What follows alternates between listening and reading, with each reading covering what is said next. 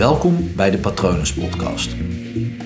Mijn naam is Paul Vet en in deze podcast deel ik inspiratie voor een leven vol vrijheid en verbinding.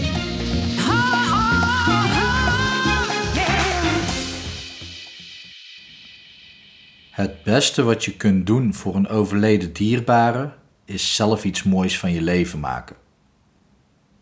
Ik neem deze podcast op nadat ik het artikel heb geschreven en het ook al op Instagram heb gepost.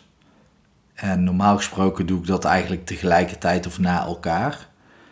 En ik merk dat ik nu ehm, deze aflevering iets aan het uitstellen ben. Eh, lees of luister gewoon drie uur lang. Ben ik mezelf aan het bezighouden met andere dingen om deze aflevering niet te maken. En dat zit hem in twee dingen. Eén is het uh, doet wat met me om over het overlijden van mijn moeder te schrijven en te spreken. Ik doe dat vaak genoeg, maar het roept altijd emoties op. En ik merk dat ik daar vandaag wat minder behoefte aan heb. Het mag er wel altijd zijn van mij, maar ik vind het wel makkelijk om te kiezen wanneer het omhoog komt. En het heeft er waarschijnlijk ook mee te maken met hoe ik deze ochtend, ik neem hem op zaterdagochtend op, lekker in mijn chill-modus zit en eigenlijk alleen maar bezig wil zijn met ontspannen. Maar wat me heel erg heeft getriggerd om toch deze aflevering nu in te spreken, is omdat ik echt heel veel mooie, krachtige ook, maar ook verdrietige reacties krijg op de Instagram-post. Omdat rouw, en dat is het tweede waarom ik het een uitdaging vind, is een, een precair onderwerp. Um, ik zal dat toelichten. Op het moment dat jij dit hoort en je hebt iemand verloren, zo'n tien jaar geleden, dan zit je er heel anders in dan wanneer je deze aflevering beluistert wanneer het een week geleden is, of een maand of twee maanden. Ligt er ook aan hoe ver die dierbare van je afstond. Ik las net een bericht van iemand die haar vriend is verloren vijf maanden geleden. Dat is natuurlijk ik zeg natuurlijk, het hoeft niet, maar dat, dat kan anders voelen dan wanneer je vijf maanden geleden je oma hebt verloren die 95 jaar is geworden. Het kan natuurlijk net zoveel pijn doen en het vergelijken heeft ook geen nut. Maar daarom vind ik deze aflevering wel ook een beetje spannend om te maken. Omdat ik, ik vind dat, dat rouw, het verlies, het omgaan met verlies, ehm, daar wil ik altijd Ehm, en dat heb ik ook, met uh, respect omgaan. Ehm, mensen zien mij krachtig hierover spreken, over schrijven met name. Als je de aflevering over dankbaar zijn voor je ouders hebt beluisterd, dan heb je eigenlijk het hele pad uh, beluisterd en gehoord, meegekregen hoe ik dat uh, haar ziektebeeld heb behandeld. Het overlijden van mijn moeder heb ik het dan over. En um, ja, ik, ik spreek daar wel krachtig over. Ik ervaar daar, daar nog steeds emoties, maar ik heb ook heel goed geleerd om emoties er te laten zijn. En dan worden de emoties wat, wat zachter of zo. Ik hoop dat je dan kan begrijpen wat ik bedoel. Um, maar daarom is het ook, ook goed om hier zelf bij stil te staan. Want op het moment als je iemand um, bent kwijtgeraakt, dan, dan doet dat pijn. En ons hele wezen probeert natuurlijk alles, alles te doen om pijn te vermijden. Dus op het moment als je iemand hebt verloren en dat is kort geleden, en wanneer je eraan denkt of over praat, Ehm, en dat gaat pijn doen. Wat je dan gaat doen is die pijn wegdrukken. Eigenlijk is het zo dat juist die combinatie ervan juist zorgt voor de pijn. Want als de emotie er gewoon uit mag zonder dat je het niet zou willen, dan doet het geen pijn. Nu is het zo, er komt een gevoel omhoog. Ik vind dat ook beter om, om het zo te benoemen, een gevoel. En doordat je dat wegdrukt, wordt het ingesloten en dat creëert de pijn op het moment als je makkelijker over emoties gaat kunnen praten, ermee kan zijn, eh, en de ene emotie is echt de andere niet, dan is het ook makkelijker om dat toe te laten en om het eruit te laten komen. En elke keer als je het weer terug erin drukt, terug je lijf indrukt, dan zal die pijn alleen maar steeds heftiger worden. Ehm, maar dat, dat je dat doet is een overlevingsmechanisme en hartstikke logisch, want in de pijn zit ook een stukje hou vast aan die persoon. En um, mensen spreken wel eens over loslaten. Ehm, ik geloof niet zozeer in loslaten, ik geloof veel meer in laten zijn. Um, op het moment als je er iets laat zijn, dan zal datgene jou loslaten. Dat is precies andersom, neem ik echt een andere aflevering volledig over op.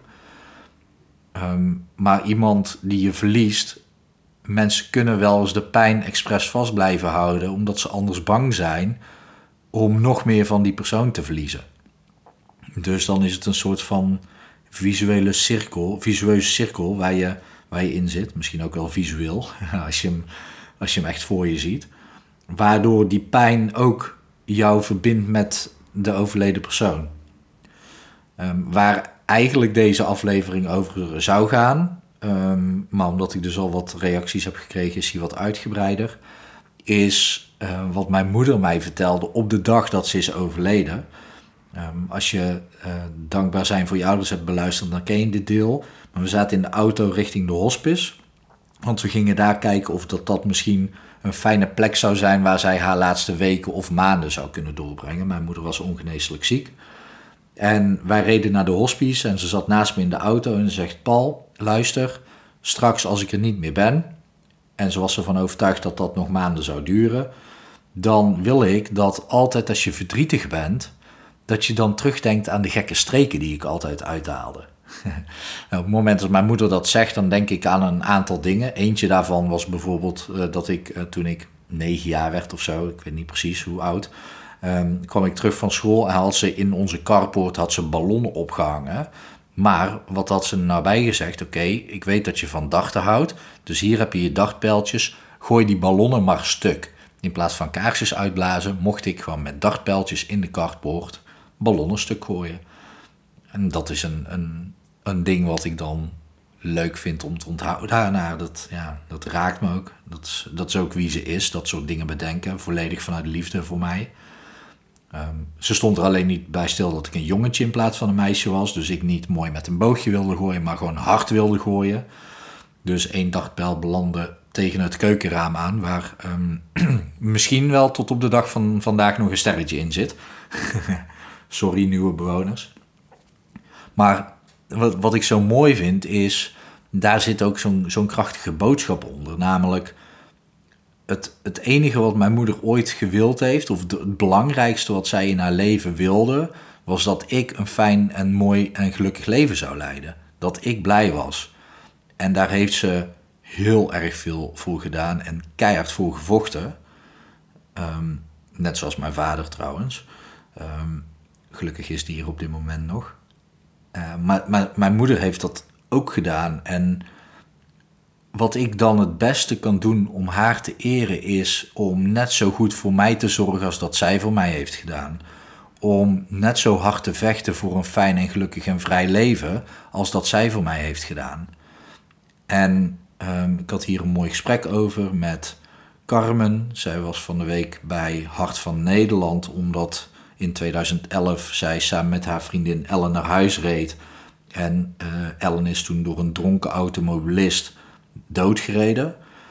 En we hadden een mooi gesprek over van oké, maar wat, wat kunnen we nou doen om iemand te eren die is overleden? Ja, gewoon zelf zoveel mogelijk uit je leven halen. En um, ja, daar waren we het ook gewoon over eens. Dat we, dat we er soms bij stilstaan bij diegene die, die we kwijt zijn geraakt. Zij dus bij Ellen, uh, of uh, zij dus Ellen en ik, ik mijn moeder. Um, in mijn leven ben ik wel meerdere mensen kwijtgeraakt, maar het is een, krachtig voorbeeld nu. En het beste wat we kunnen doen is gewoon zoveel mogelijk uit ons leven halen. En met zoveel mogelijk bedoel ik niet gewoon heel de dag rennen omdat morgen over kan zijn, wat natuurlijk wel het geval is maar gewoon fijn en vrij leven, gewoon gelukkig zijn. Dus wie, wie je ook bent verloren, als je diegene wil eren, als je diegene een cadeau wil geven, maak dan iets moois van je eigen leven. En ik begrijp dat dat, ehm, vooral als je net een echt, echt iemand bent verloren die heel dicht bij je stond, dat dat lastig kan zijn. Maar bedenk dat die, diegene is er niet meer. Die alleen de geest en, en alles wat, wat diegene um, heeft beïnvloed bij jou leeft in jou voort. Dus gebruik dat, gebruik die energie en zet dat om in geluk en vrijheid en in emotie. Je mag huilen om diegene, maar laat die emotie er gewoon zijn. Dat is gewoon helemaal goed, helemaal prima. En ook als um, je die pijn dus niet wegdrukt en die pijn komt er gewoon uit en geloof me, die, die pijn is daardoor alleen al minder, doordat het er gewoon mag zijn. Dan wordt het misschien zelfs een, een warm gevoel. En soms, of heel vaak een verdrietig gevoel, dat heb ik ook nog. Maar als dat er gewoon mag zijn, dan is die persoon nog steeds heel erg dicht bij je. Ehm, wat ik heel mooi vond was een uur nadat ze was overleden. Ehm, ongeveer dan, want ik kreeg een telefoontje of dat ze gereanimeerd moest worden. En we hadden afgesproken dat ik nee zou antwoorden. Dus ik zei nee. Toen ben ik daar naartoe gereden. Dus zeg een half uur, een uur. En toen kwam ik aan bij uh, mijn ouderlijk huis. Um, waar het was gebeurd. En eigenlijk vanaf het moment dat ik daar was, begon ik een soort van knuffel te voelen rondom mijn borst. Alsof ze me vastpakte en nog één keer gewoon heel veel liefde en kracht wilde geven. Maar ook gewoon wilde doorgeven van ga gelukkig zijn. Uh, doe gewoon alles om ervoor te zorgen dat je een fijn leven leidt. Deze boodschap wil ik dus ook aan jou geven. Um, mocht je iemand zijn verloren, deel het met me. Ook als je het lastig vindt, deel het met elkaar, deel het met mensen om je heen, praat erover. Juist als het lastig is, dat betekent dat er iets in je lijf nog eruit moet. En doordat dat eruit gaat, zal je diegene um, echt niet zomaar vergeten. Uh, ik denk ook nog heel vaak aan mijn moeder. En uh, zoals je merkt, kan ik er gewoon krachtig over spreken. En het was gisteren dus vier jaar geleden dat ze is overleden. Um, ja, dat is wat ik je mee wil geven. Er zijn vast nog wel andere dingen die ik hierover zou kunnen en willen zeggen. Um, mocht je dit hele verhaal willen horen, check dan echt even dankbaar zijn voor je ouders. Daarin vertel ik het vanaf mijn jeugd tot aan het overlijden van mijn moeder. Ik beloof je, het is een mooi verhaal. Niet toen ik het vertelde had ik dat niet door, maar van alle berichten die ik terugkrijg en ik weet dat het mensen helpt. Dus check dat dan even. Ik hoop dat het goed met je gaat. Ik hoop dat ik je eventueel wat troost heb kunnen bieden. Um, mocht je er iets aan me kwijt willen hierover, uh, of over jezelf of uh, het spannend vinden of moeilijk hebben, stuur me een mailtje op patronen.palvet.com. Je mag ook meepraten op Instagram. Gewoon even zoeken op Paul Vet. Vet schrijf je met TH. Daarin mag je reageren onder de post, maar je mag natuurlijk ook gewoon even een privéberichtje sturen. Uh, er zijn genoeg mogelijkheden om mij te vinden, denk ik zo. Ik hoor graag van je. Ik hoop dat het goed met je gaat. En ik wens je uh, een hele mooie dag toe. Hoi.